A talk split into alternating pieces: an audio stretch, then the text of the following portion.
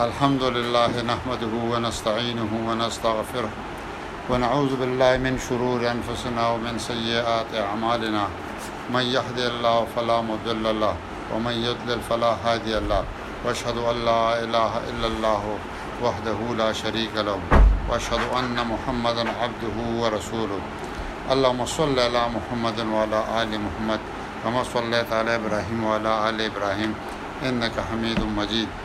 اللهم بارک علی محمد وعلی ال محمد کما بارکت علی ابراهیم وعلی ال ابراهیم انک حمید مجید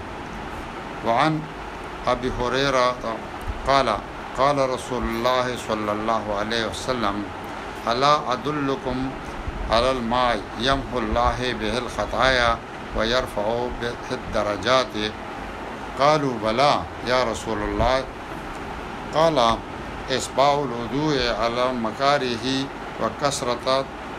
وکثرة الخطی الی مساجه وانتظار الصلاة بعد الصلاة فذلکم الرباط ابی هریره رضی الله تعالی عنه روایت کوي. چې وای رسول الله صلی الله علیه وسلم فرمایل چې تاسو ته هغه شی نه خیم چې هغه سره ګناهونه کمیږي رکی ختميږي او اسباب د درجات اوچتيږي صحابه عرض کو چې ولنا یا رسول الله صلی الله علیه وسلم نو رسول الله صلی الله علیه وسلم ته فرمایل چې پورا او داس کول سره په مشقت په وخت کې او د کثرت سره قدمونه قدمونه غشتل د جمعات طرف ته او انتظار کول د یو مانځنه پس د بل مانځو بس دا هغه شی دی چې کوم مطلب چې عربت دی د حدیث دا نوی باب شروع شو، کتاب الطهاره،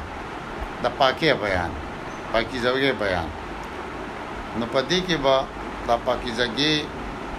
اودس، د غسل په کوم شي پلیتي کېږي، په کوم شي ماتېږي، هغه به ټول مونږ دې کې د رسول الله صلی الله علیه وسلم د هدایاتو مطابق، د هغه د حدیث مطابق بیانوو. دې حدیث کې رسول الله صلی الله علیه وسلم یو ترغیب ورکړ. خپلو اصحابو ته چې آیا تاسو ته داسې دوه کارونه ورته یاد کړل چې یو خو انسان نه خطایانې ګناهونه شوي چې هغه ختمي هرو کوي او هغه سره داسې اسباب پیدا شي چې د انسان په درجات اوچت شي درجات اوچت شي نو هغه د پر رسول الله صلی الله علیه وسلم ورته درې سيزونه وخول یو او خو پورا او د سکول خو چا مشقت سره مري یعنی وب یخې دي خو سره د غیم ته پوره د سکه وب کمی دي وخت کم دی یا څه تکلیف دی خو بیا هم ته او د سکه او صحیح او د سکه نو چې صحیح او دس دی وکړو نو دا او دا غینه پس دویم چې جمعه ته ډیر قدمونه دي یعنی جمعه ته ډیر ذکر لري وي کنيز دی وي کثرت ته قدمونه جمعه طرف ته کوي یعنی سړو د پاره دا خاص کر حکم دی زنانو د پاره کورم بهتر دی چې جمعه ته مازل ځي او درې مې دا او خود چې یو مونږ کی او دا غې نه پس د بل مونږ انتظار کوي نو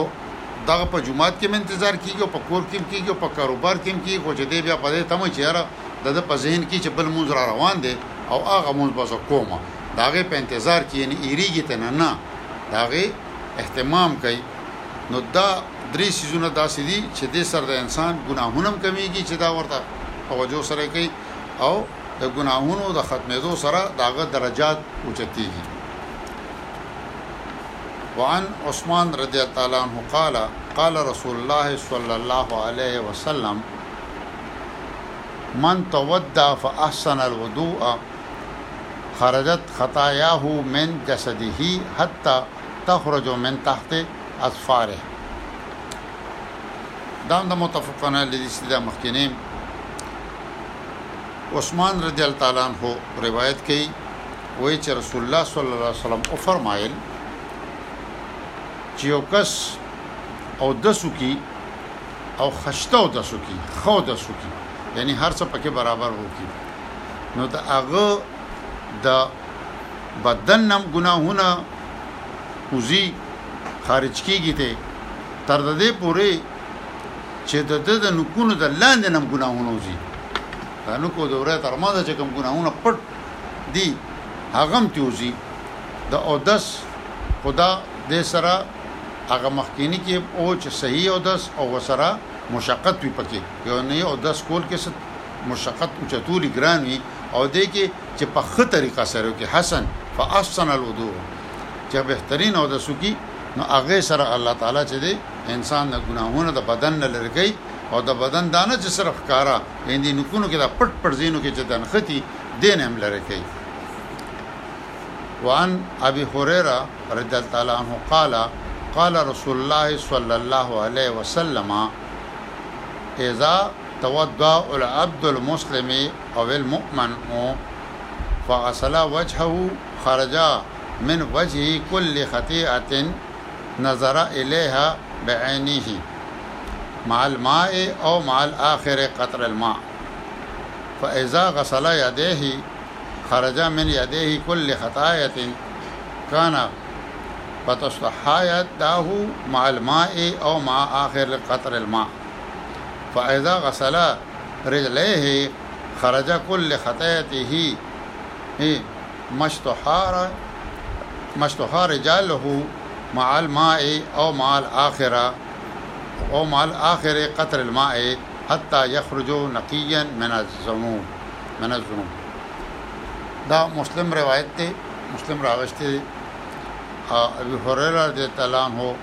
روایت کی وایی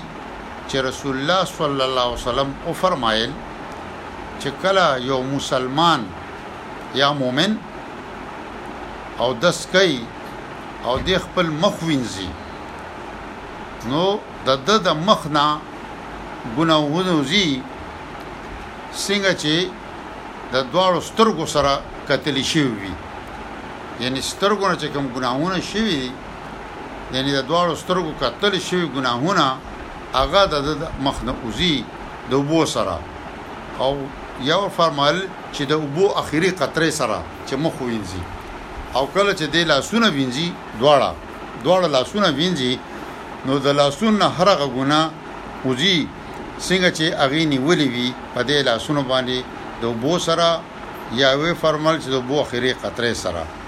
پس هر کله چې دي وينځي خپو لره خپې وينځي نو هره ګونه چې هغې طرف ته خپې تلې وي د اوبو سره يا د اوبو اخرې قطرې سره د ده نه وځي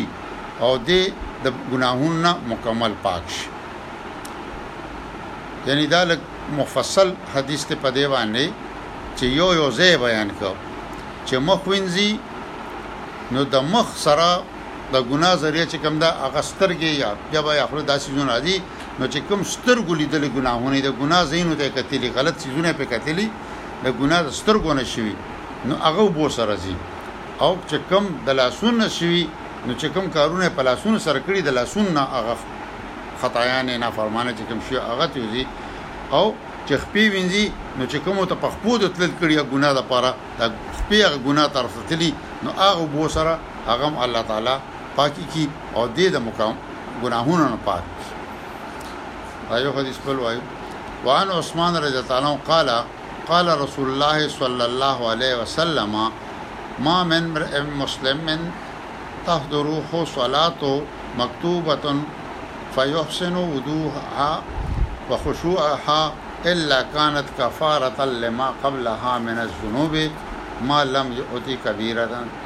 وذلک الدهر کله عثمان رضی الله تعالی عنہ روایت کوي